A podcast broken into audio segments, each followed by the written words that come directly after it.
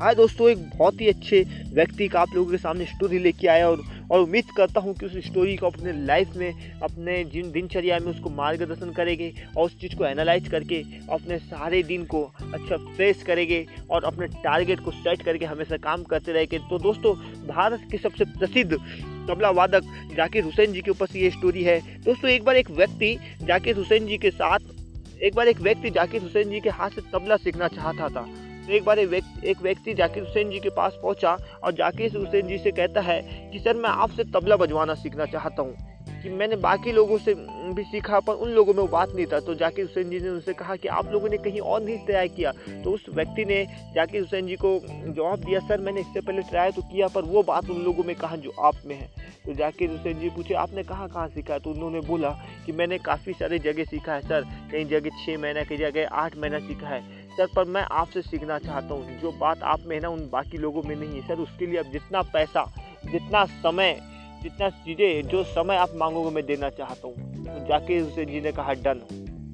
जाकिर हुसैन जी ने उस व्यक्ति को कहा, बेटा, चल, ठीक है, मैं तेरे को संगीत तो सिखा दूँ। जाकिर हुसैन जी ने तो उन्हें उनको भी थोड़ा मस्ती सूझा जाकिर हुसैन जी को थोड़ा सा मस्ती सूझा तो जाकिर हुसैन जी ने उस व्यक्ति से कहा कि, बेटा देखो संगीत सीखने के लिए पाँच साल और पाँच लाख रुपए लगेंगे। जाकिर हुसैन जी ने कहा उस व्यक्ति से कि बेटा तेरे को संगीत सीखने के लिए पाँच साल और पाँच लाख रुपए लगेंगे थे। उस व्यक्ति ने बोला, सर, डन, मैं पाँच साल भी दिया और पाँच लाख रुपए भी दिया। आप मेरी क्लासेस स्टार्टअप करवा दो। तो जाकिर हुसैन जी ने कहा, चलो नेक्स्ट डे से आप लोगों का क्लासेस स्टार्टअप हो जाएगा। दोस्तों नेक्स्ट डे जैसे वो इंसान पहुँचा, वो व्यक्ति जाकिर हुसैन जी के पास पहुँचा, और जैसे संगीत क्लासेस स्टार्टअप होने वाला था, उस समय एक बच्चा वहाँ पे आता है।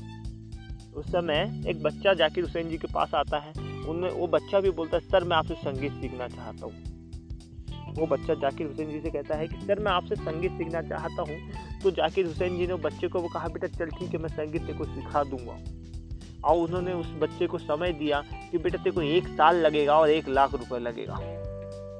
एक साल आपको जाकिर हुसैन जी ने कहा उस बच्चे को, बेटा, आपको एक साल लगेगा और एक लाख रुपए लगेगा।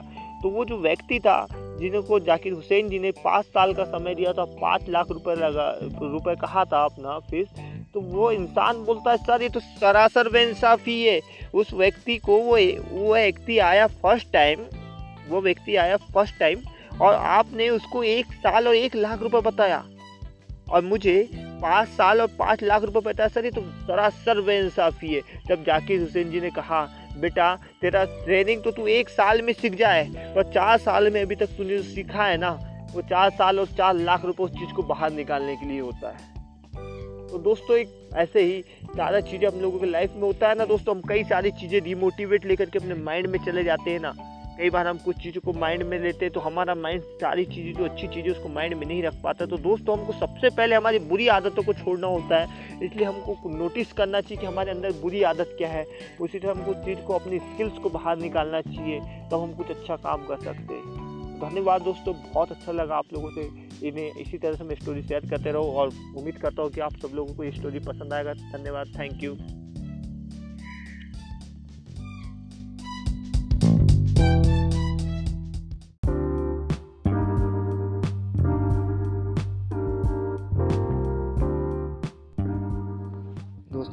नमस्कार माय डियर फ्रेंड मैं सुमित, आप सभी का मोस्ट वेलकम करता हूँ आज की इस मीटिंग में।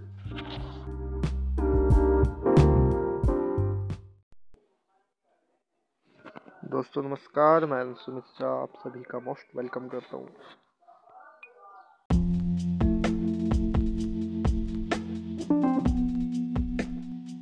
एक बार एक साधु एक पेड़ के नीचे से गुजर रहे थे और वहीं से पेड़ के ठीक ऊपर से उनको एक बूंद उनके एक बूंद वहाँ पे पानी का उनके कंधे पे टपका तो वो ऊपर उठ करके देखने लगी कौन है। और ऊपर जब उन्होंने देखा तो एक कौवा था जो कि रो रहा था। साधु ने कौवे से पूछा, क्यों रो रहा है? रोता क्यों है? उन्होंने बोला रो नहीं तो क्या करूँ?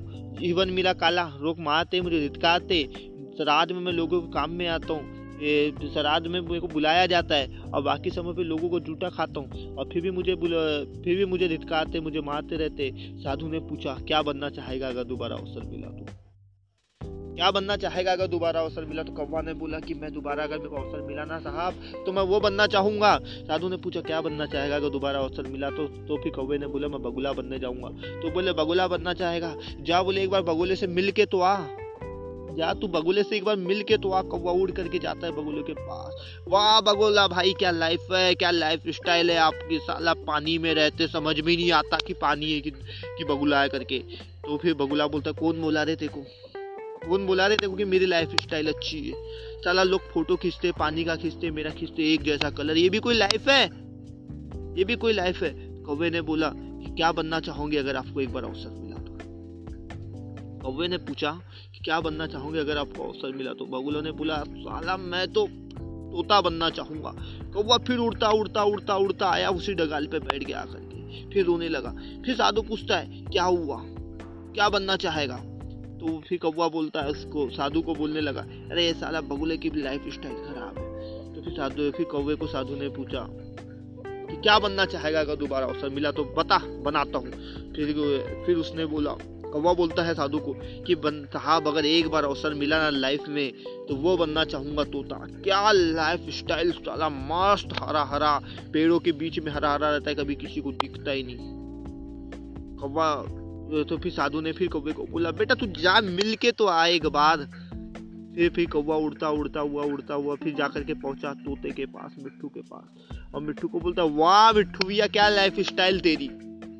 क्या लाइफ स्टाइल है? साला मस्त हरी हरी झाड़ियों के बीच में रहता, मस्त खाता पीता लोग क्या करते तेरे को प्यार करते साला। लोग मेरे को तो भगाते हैं, लोग तेरे को प्यार करते हैं, सारी चीज़ लोग तेरे को पालते हैं। मिट्टू बोला, कौन बोला रहे तेरे को मेरा लाइफ स्टाइल अच्छा है? मिट्टू बोलता है कौवे को कौन बोला था कि मेरा लाइफ स्टाइल अच्छा है?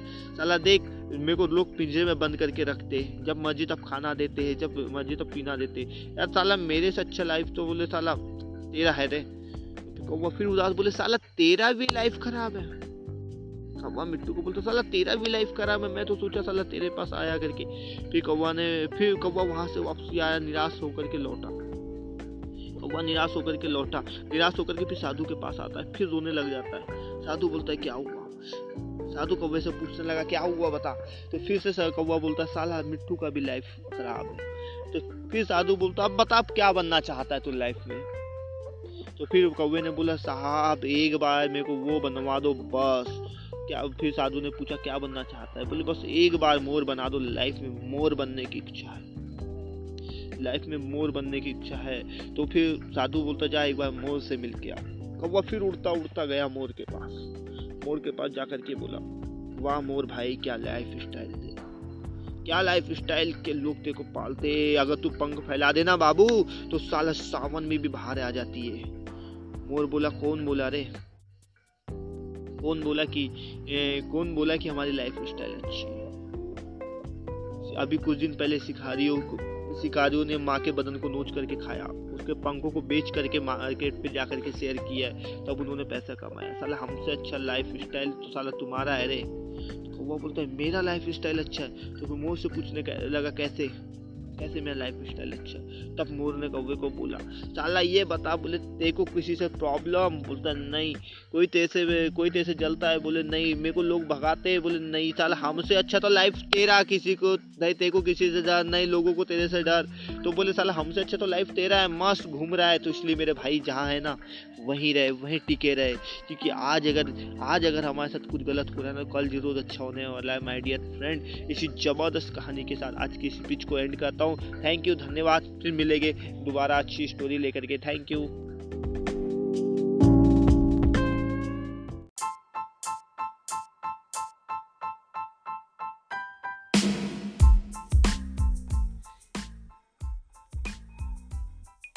हाय दोस्तों, मैं अंशु मिश्रा, आपका दोस्त, एक छोटा सा स्पीच आप लोगों के सामने लेके आया हूँ, जो हमेशा अपने आप को माइंड को मोटिवेट रखता है, हमें अपने टारगेट को सेट करने के लिए हमेशा एक्टिव रखता है। एक छोटा सा स्टोरी आप लोगों के सामने फिर से मैं लेके आया हूँ, जो लोग बोलते ना यार कि मेरे अकेले से कुछ नहीं होने वाला, मैं अकेला क्या कर पाऊँगा? अरे, मैं अकेला कुछ नहीं कर सकता, जो लोग हिम्मत हार जाते हैं ना, उसके लिए बहुत छोटा सा माइंड सेटअप और एक माइंड सेट करने वाला एक छोटा सा स्टोरी मैं आप लोगों से शेयर करूँगा। दोस्तों, एक बार क्या होता है, गाँव में आग लग जाती है और सभी लोग उस आग को बुझाने में लगे रहते हैं। एक बार एक गाँव में आग लग जाती है, सभी लोग उस आग को बुझाने में लगे रहते हैं। वहीं पर एक चिड़िया होती है, और वो चिड़िया भी अपने चोच में पानी भरती है और आग में डालते जाती रहती है। वो चिड़िया हमेशा ये सोचती है कि अपने उस, अपनी चोच में पानी को भरते रहती है और आग में डालते रहती है, पानी को भरते रहती है और आग में डालती रहती है, फिर जा कर के पानी ले आती है और आग में डालती है। एक कौवा यह देख रहा था, वहीं पे थोड़ी दूर पे कौवा बैठा हुआ था। वो कौवा यह देख रहा था, कौवा बोला, अरे पगली, तू कितना भी मेहनत कर ले। कौवा बोलता है चिड़िया को, अरे पगली, तू कितना भी मेहनत कर ले, तेरे बुझाने से ये आग नहीं बुझेगी। और दोस्तों एक बोलते ना, एक धीरज और एक सब्र। क्योंकि एक इंसान कई बार ये होता है यार कि बहुत अगर मेहनत करते जाता है तो बहुत आगे बढ़ जाता है। तो वो चिड़िया का बहुत अच्छा उसको जवाब था। वो चिड़िया बोली, मुझे पता है कि मेरे बुझाने से आग नहीं बुझेगी। चिड़िया बहुत अच्छा रिप्लाई दी उसको कि, मुझे पता है कि मेरे बुझाने से आग नहीं बुझेगी बुझेगी, लेकिन जब भी इस आग का ज़िक्र होगा ना चिड़िया बोलती है उस कौवे को कि मुझे पता है कि मेरे बुझाने से आग नहीं बुझेगी, लेकिन जब भी इस आग का ज़िक्र होगा ना तो मेरी गिनती बुझाने वालों में होंगी। चिड़िया ने फिर अच्छा सा रिप्लाई दिया कि मुझे पता है मुझे पता है कि जब ये आग मुझसे अकेले से नहीं बुझ पाएगी, पर जब भी इस आग को बुझाने का ज़िक्र होगा ना तो मेरी गिनती बुझाने वालों में और तेरी गिनती तमाशा देखने वालों में होंगी। इसलिए दोस्तों, जो लोग इस बात को सोचते रहे यार मेरे बस में ये नहीं है, मैं ये नहीं कर सकता हूँ, मैं जो हिम्मत हार जाते। तो मेरे दोस्तों, उनको एक चीज़ बोलता हूँ, जब सोचो, एक चिड़िया एक चिड़िया अपना योगदान दे करके अपनी लाइफ सक्सेस कर सकती है। एक चिड़िया, एक चोच में पानी भर भर के एक जब एक मकान को बचा सकती है गाँव को बचा सकती है तो दोस्तों, हम लोग तो इतने सलामत है यार हमें तो हाथ, पैर अच्छे, भगवान ने बहुत अच्छा शरीर हमें दिया है। तो मैं, मेरे दोस्तों, एक ही एक ही चीज़ उन लोगों से कहना चाहूँगा कि बस अपना माइंड सेट रखो, कुछ भी काम बहुत अच्छे से करे। तो थैंक यू दोस्तों, फिर मिलते हैं नेक्स्ट टाइम अच्छी सी स्टोरी के साथ। थैंक यू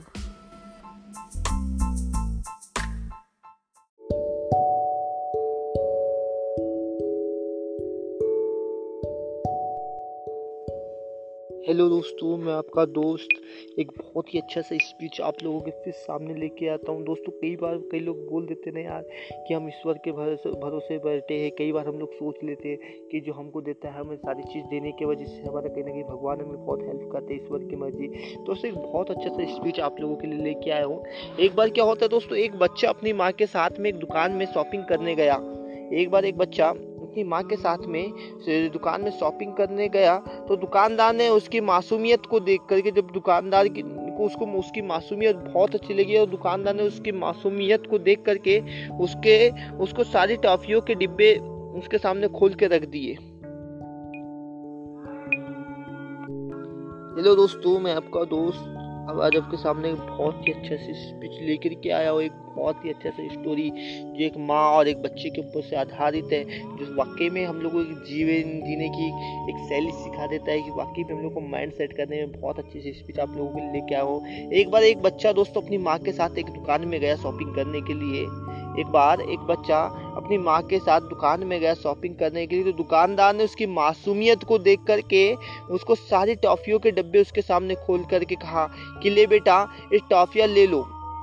उस दुकानदार ने जिस दुकान में गए थे वो शॉपिंग करने के लिए, उस दुकानदार ने, उस दुकान के मालिक ने उस बच्चे की मासूमियत को देख करके अपने दुकान के सारे टॉफियों के डब्बे उसके सामने खोल कर रख रख दिया और बच्चे से कहा कि लो बेटा, टॉफी ले लो, पर उस बच्चे ने बड़े प्यार से उनसे मना कर दिया। दोस्तों, ये होती है मासूमियत। जो बोलते हैं छोटे बच्चों में एक भगवान का रूप होता है, उस बच्चे ने, वाकई में उसने अपनी मासूमियत दिखाई। उस बच्चे ने उस दुकानदार को टॉफ़ी लेने से मना कर दिया और बड़े प्यार से मना कर दिया। और फिर इसके बावजूद उस दुकानदार ने और उसकी माँ ने भी उसे फोर्स किया। दोस्तों, यही नहीं, उसके साथ उसकी माँ भी वहाँ खड़ी थी दुकानदार भी था। तो अब उसकी माँ ने भी उसे फोर्स किया कि आप बेटा ये चॉकलेट ले लो तो ये चॉकलेट ले लो, पर भी वो बालक मना करता रहा। हार कर उस दुकानदार ने अपने खुद के हाथों से टॉफियाँ निकाल कर उसको दे दी। जब वो दुकानदार हार गया, उसकी जिद के सामने उस बच्चे ने जब मना कर दिया तो दुकानदार उसकी मासूमियत को देख करके उससे खुद से हार करके, उस बच्चे से उसने क्या किया? हार करके दुकानदार ने अपने हाथों से टॉफियाँ निकाल कर उसके, उसे दे दी तो उसने ले ली और अपने जेब में डाल ली।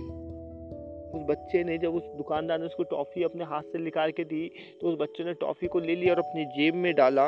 वापसी के वक्त उस आते ही उसकी माँ ने उससे पूछ लिया बेटा, जब अंकल तुम्हारे सामने सारा टॉफ़ियों का डब्बा खोल कर रख दिया था और टॉफ़ियाँ दे रहे थे तो तुमने नहीं ली। और जब उन्होंने अपने हाथ से तुम्हें टॉफ़ी दे दी तो तुमने अपने हाथों से नहीं ली तो उसने जब उन्होंने अपने हाथ से तुम्हें टॉफ़ी दी, दे दी तो आपने ले लिए तो ऐसा क्यों? उसकी माँ उससे पूछती है, बेटा, जब दुकान वाले अंकल आपको टॉफ़ी दे रहे थे, तब तो आपने टॉफ़ी नहीं ली? और जब उसने अपने हाथ से आपको टॉफ़ी दे दी तो ऐसा क्यों? तब उस बच्चे ने बहुत ही खूबसूरत से जवाब दिया, दोस्तों, माँ मेरे हाथ तो वो बच्चा बोलता है, माँ, मेरे हाथ छोटे छोटे हैं बच्चे ने बहुत अच्छा सा जवाब दिया अपने माँ को कि, माँ, मेरे हाथ छोटे छोटे हैं। अगर मैं टॉफ़ियाँ लेता तो मेरे हाथ में दो या तीन तीन ही टॉफ़ी आती। जब मैं उस ट्रॉफियों को ले लेता तो मेरे हाथ में सिर्फ़ दो या तीन ट्रॉफी आती और आती जबकि अंकल के हाथ बड़े हैं, इसलिए ज़्यादा ट्रॉफियाँ मिल गई। बिल्कुल इसी तरह से दोस्तों, जब भगवान हमें देता है ना तो हम अपनी मर्ज़ी से देता है और हमारी सोच से, हमारी सोच से बर पर होता है और हमें हमेशा उसकी उसकी मर्ज़ी में ही खुश रहना चाहिए। क्या पता किसी दिन भगवान हमको, किसी दिन हमें समुद्र देना चाहता हो और हम हाथ में चम्मच लेकर के खड़े होते। हैं वाकई में दोस्तों, जब हमको भगवान देता है ना तो हमें अपनी सोच, अपनी माइंड सेट रखना चाहिए। हम लोग सोचते रहते हैं, यार, भगवान हमको ये देगा, हम भगवान हमको वो चीज़ देने वाले तो उस समय दोस्तों, हमेशा अपने को एक ही चीज़ अच्छा रखना चाहिए, कि हमें अपना माइंड सेट रखना चाहिए। और क्या पता, भगवान हमें समुद्र देना चाहता और हम हाथ में चम्मच ले करके खड़े हैं। इसलिए दोस्तों हमेशा अपने माइंड को पॉजिटिव लगो हमेशा माइंड हैप्पी रखो। और नेक्स्ट टाइम फिर मिलते हैं बहुत अच्छी स्टोरी के साथ। Thank you thank you guys बहुत ही अच्छा बहुत अच्छी स्टोरी के साथ फिर हम लोग नेक्स्ट टाइम और मिलने वाले थैंक यू थैंक यू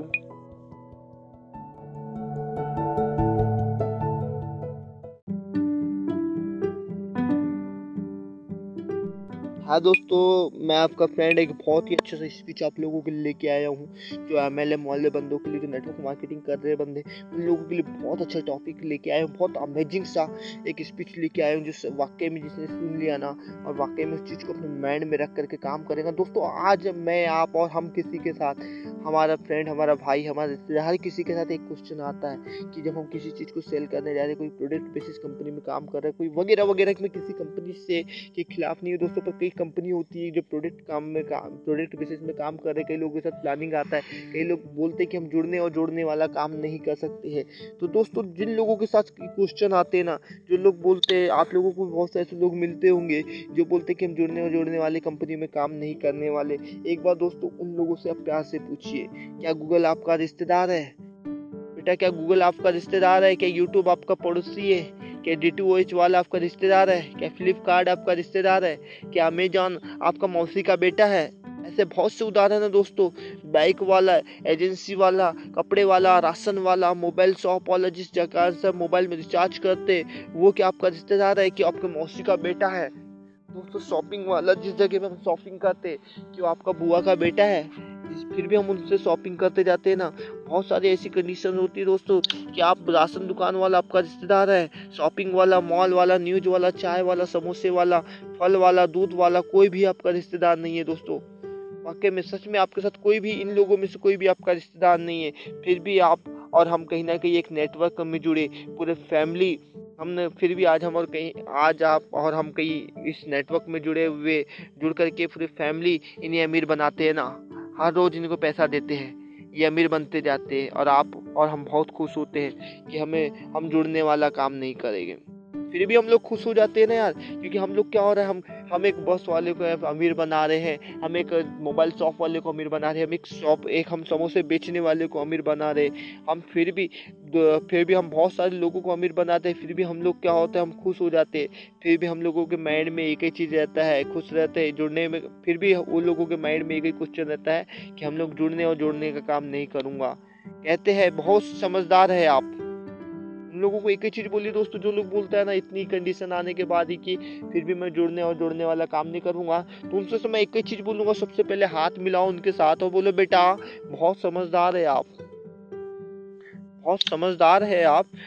आपका बच्चा गेम्स खेलता है, खेलने को रोता है। आप मोबाइल या कंप्यूटर में गेम्स खेलने देते हो। कभी सोचा है आपने कितने लोगों को अमीर बनाया है? उन लोगों को एक ही चीज़ बोलो, बेटा, बहुत समझदार हो आप। उससे को एक ही क्वेश्चन करो। आपका बेटा हर रोज़ आपके मोबाइल में गेम खेलता हो। गेम खेलने के लिए कभी मोबाइल का उपयोग करता होगा, कभी कंप्यूटर का उपयोग करता होगा, कभी रोता है। और उनके रोने के बाद हम उनको मोबाइल और कंप्यूटर गेम्स खेलने के लिए दे देते क्या कभी आपने सोचा है कि आप कितने लोगों को अमीर बनाते हैं? आपके बच्चे आपके बच्चे एक गेम्स खेलने पर नहीं। आज सोचिए ये भी सोचिए आप खुद उन लोगों से कुछ आप खुद सोचो कि आ, कि आपके खुद के पैसे से हर रोज कितने लोग अमीर बनते हैं। अमीर पे अमीर बनते जा रहे हैं और आज आप कि आज के आप आज आप अमीर बनने के अवसर को आज आपको अमीर बनने का अवसर आया है। उनको एक ही चीज़ बोलो आपके पैसे से कई लोग अमीर बनते जा रहे हैं कई लोग अमीर बनते जा रहे हैं। और आज आपके पास मेरे मेरा बेटा आज आपके पास अगर अमीर बनने का अवसर आया है ना तो वही आप काम वही आप काम बेकार लग रहा है। जो आज आपके पास इतना अच्छा अवसर आया उनको एक ही चीज़ बताओ दोस्तों आज आपके पास इतना अच्छा अवसर आया है अमीर बनने का और वो काम आज आपको बेकार लग रहा है। लग रहा है आप सच में बहुत समझदार है। सबसे पहले उसको एक चीज़ बोलो यार सच में बेटा बहुत समझदार है तू आज तेरे को वाकई में लाइफ सक्सेस करने का मौका मौका मिला है। आज तेरे पास एक अवसर आया हुआ है कि जो अपने लाइफ को सक्सेस कर सके और आप बोल रहे हो मेरे पास टाइम नहीं है। मैं जोड़ने और जुड़ने का काम नहीं कर सकता हूँ तो उसको तो पहले हाथ मिलाओ। हाथ मिलाने के बाद सबसे पहले उसको मिठाई खिलाओ मिठाई खिलने के, खिलाने के बाद बोलो, दोस्त, बहुत, वाकई में बहुत समझदार है बेटा तू। सब्सक्राइबर्स के सहयोग से ही ये कंपनी अरबों खरबों में खेलती है। उसको एक एग्जांपल देना दोस्तों। जो लोग बोलते ना नहीं यार, वाकई में हम अमीर नहीं बन सकते। लोग हिम्मत आ जाते ये काम मेरे बस का नहीं है। उसको सबसे पहले मिठाई खिलाने के बाद उसको बोलो उसको समझ, उसको बोलो, बेटा, बहुत समझदार है आप। सब्सक्राइबर्स उसको एक एग्ज़ाम्पल दो सब्सक्राइबर्स के सहयोग से ही ये कंपनियाँ अरबों और खरबों में की संपत्ति में खेलते हैं। मालिक है। अरबों और अरबों और खरबों का मालिक है। क्या मिलता है आपको अपना कीमती समय इन कम इन कंपनियों में पूंजीपत बनाने के लिए? सहयोग करते हैं ना? हमें नहीं मिलता है ना, हम सिनेमा हॉल में जाते हैं, हम किसी मूवीज़ को पसंद करते हैं मूवीज़ को देखने के बाद हम उसका कहीं ना कहीं, उसको कहीं ना कहीं अपने फ्रेंड सर्कल में बताते हैं, अपने फ्रेंड लोगों को बताते हैं रिलेशनशिप वाले को बताते हैं। क्या मिलता है? क्या सिनेमा वाला हमको पैसा दे रहा है? नहीं दे रहा है ना? फिर भी हम लोग काम करते जब सोचो जो हमको, दोस्तों इंडिया में एक चीज़ का डुप्लीकेशन बहुत अच्छे से हुआ है, जिस काम में हमको पैसा मिलता है, हम उस काम को नहीं करते। जिस काम में हमको वाकई में पैसा आने वाला होता है, हम उस काम को नहीं करते जिसमें नहीं आता है, हम उस काम को बहुत अच्छे से लगाते माइंड सेट करके करते और करते करते करते करते करते, कहीं ना कहीं पुअर कंडीशन में हो जाते। बनाने तो दोस्तों, वही होता है ना, कई लोग हम हम लोग, कई लोगों को पूंजीपत बनाने के सहयोग करते हैं, और आपने कभी, आपका कोई भी इनकम नहीं होता है। फिर भी हम इस काम को इस कंपनी को अरबपति बना रहे सिनेमा हॉल सिनेमा हॉल वाले को खरबपति बना रहे और कुछ लोग ऐसे होते हैं तो दोस्तों कुछ लोग लगे हुए थे गूगल के पास क्या है? सोचा है आपने? गूगल जब हम जिस चीज़ को हम स्टडीज़ कर रहे हैं गूगल जिसको हम सब चीज़ों के माध्यम से सर्च कर सकते कोई भी चीज़ में सर्च कर सकते तो, तो गूगल के पास आज क्या है? उससे पूछो बेटा आप एक चीज़ बता मुझे तू गूगल के पास क्या है? Network subscribers. फेसबुक के पास क्या है? Network subscribers YouTube Telegram Instagram हज़ारों की यूट्यूब टेलीग्राम इंस्टाग्राम और, और इनके अलावा और भी बहुत सारे हज़ारों की संख्या में ऐप्स हैं। इनके पास क्या है? बेटा इनके पास भी तो इनके पास के भी तो नेटवर्क है ये इनके पास भी सब्सक्राइबर्स है इनके पास भी कमेंट्स है और नेटवर्क सब्सक्राइबर्स है। बेटा अंबानी के पास क्या है? नेटवर्क है। फ्लिपकार्ट के पास क्या है? नेटवर्क है। अमेजोन के पास क्या है? नेटवर्क है। जिससे हम लोग दोस्तों, जिस फ़ोन में हम लोग रिचार्ज करवाते हैं एयरटेल के पास क्या है? नेटवर्क है। ईवी और के पास क्या है? नेटवर्क है। टाटा टाटा के पास हम लोग बोलते हैं, यार टाटा की कार बड़ी अच्छी टाटा की स्विफ्ट बहुत अच्छी टाटा की कार बहुत अच्छी आने वाली पर दोस्तों, उस टाटा के पास जानते हो क्या है? उसको अमीर बनाने के पीछे हम लोगों को सपोर्ट है। उसके पीछे भी नेटवर्क है। अदानी के पास क्या नेटवर्क ओला के पास नेटवर्क एक कार। डिश टीवी के पास क्या नेटवर्क जोयो के पास नेटवर्क है दोस्तों, बहुत सारी कंपनियाँ हैं जिनको, जिन, है जिनका अपना खुद का बहुत बड़ा नेटवर्क है। बहुत सारी ऐसी मार्केट में कंपनियाँ रन कर रही है दोस्तों, जिसका एक बहुत बड़ा नेटवर्क है। अमेजोन का नेटवर्क है फ्लिपकार्ट का नेटवर्क है और इन्होंने नेटवर्क बना करके ही अपने बिज़नेस को कामयाबी हासिल की। है वाकई में दोस्तों, इन कंपनियों ने नेटवर्क बना करके अपने बिज़नेस में कामा, कामयाबी हासिल की है, इसलिए सफल होना है दोस्तों। तो खुद को, खुद का नेटवर्क बना करके ज़िंदगी को बदलो। अगर वाकई में अगर आपको सक्सेस होना है ना कि आज वाकई में हम लोग को अपना लाइफ स्टाइल चेंज करना है, अपना लाइफ स्टाइल में कुछ चेंजिंग लाना है ना तो अपने नेट अपने जीवन में, अपने जीवन को अपने, अपनी ज़िंदगी में बदल जाओ दोस्तों। क्योंकि बोलते हैं ना, जो बीता हुआ समय हमको रिटर्न नहीं मिलने वाला, पर दोस्तों जो हमारे पास शेष है, हम उसको बहुत अच्छा करने वाले दोस्तों, एक बहुत अच्छी सी बात किसी की याद आई है, इसलिए सफल होना है ना तो खुद को नेटवर्क खुद का नेटवर्क बना करके ज़िंदगी को बदलिए। सोच बदलिए, ज़िंदगी आपके साथ है। लास्ट में दोस्तों एक ही चीज़ बोलने वाला हूँ। लास्ट में एक ही चीज़ बोलने वाला हूँ दोस्तों कि जो वाकई में इंसान, जो वाकई में इंसान इस चीज़ को सक्सेस करेगा ना, वो बहुत आगे हो जाने वाला है। इन चीज़ों को जो फॉलो करने वाला है दोस्तों, वो बहुत आगे जाने वाला है। फिर भी एक ही चीज़ आपके पास, में आपके पास तक पहुँचाने वाला हूँ दोस्तों। कई बार क्या होता है, दोस्तों अमीर होना बहुत बड़ा बात नहीं होता है। अमीर होना बहुत बड़ी बात नहीं होती दोस्तों। क्योंकि जो आज इंसान अमीर है, पर दोस्तों जो जो अपनी सही उम्र में अमीर होता है, जवानी में अमीर होना बहुत बड़ी बात होती है। जवानी में सोचो यार, अगर आज आप फॉर एग्ज़ाम्पल उस बंदे को एक ही चीज़ बोलो जो आपको मना करता है ना, कि नहीं, हम जुड़ने जुड़ने वाला काम नहीं करने नेटवर्क मार्केटिंग वाला काम नहीं करने वाले, उस बंदे को एक ही चीज़ बोलो, बेटा, ये बता कि अगर जब तू जवानी में पैसा नहीं कमाएगा बाई सपोर्ट अगर तू जॉब कर रहा है बिज़नेस कर रहा है, और बहुत सारी चीज़ें कर रहा है तो दोस्त, मेरे भाई, मेरे दोस्त, उसको एक ही चीज़ बोले, एक ही चीज़ तू बता, अगर सोच, अगर तेरे को बुढ़ापे में देखो कार मिली तो क्या फ़ायदा? बुढ़ापे में अगर तेरे पास तूने बी भी ले लिया जैगवार भी ले लिया, पर दोस्त क्या फ़ायदा? क्योंकि कार का मज़ा तू नहीं ले रहा है ना वो तेरे बाजू वाला ड्राइवर ही लेने वाला है। कितनी महँगी कार ले ले बेटा, उसको तू चलाने के लायक जब नहीं बचेगा तो सिर्फ़ तो तेरा मज़े क्या? तेरी कार का फ़ायदा क्या जब तू उस कार में, उस कार को ड्राइव नहीं करेगा? उसको सब तेरे से, बेटा तेरे से अच्छी लाइफ तो फिर तेरे ड्राइवर की होंगी ना, क्योंकि वो सोच जैगवार में बैठ रहा है, और BMW में बैठ रहा है। वही चीज़ें कंडीशन होने वाला है दोस्तों। इसलिए बहुत अच्छा है, समय बदलते खुद बदल जाओ, क्योंकि बोलते ना यार, समय बदलते हम अगर बदल गए ना तो बहुत अच्छा है। अगर जिस दिन समय बदलेगा ना दोस्तों तो मौका नहीं मिलता है। इसलिए समय के रहते हुए बदल जाइए। इसलिए दोस्तों बहुत अच्छी सी लाइन आपको कहूँगा। लास्ट में जाते हुए बहुत ही अच्छे से स्पीच आप लोगों को देने वाला हूँ। सोच बदलिए दोस्तों, ज़िंदगी अपने आप बदल जाएगी। हमेशा एक चीज़ माइंड में ध्यान रखिए, सोच बदलिए, ज़िंदगी अपने आप बदल जाएगी। सभी लोग मिल करके काम करें, बहुत अच्छा काम करें। और दोस्तों, बस लास्ट में एक चीज़ हमेशा से जो मैं देते आ रहा हूँ कि अब भी जिसका खून ना खोले, खून नहीं वो पानी है।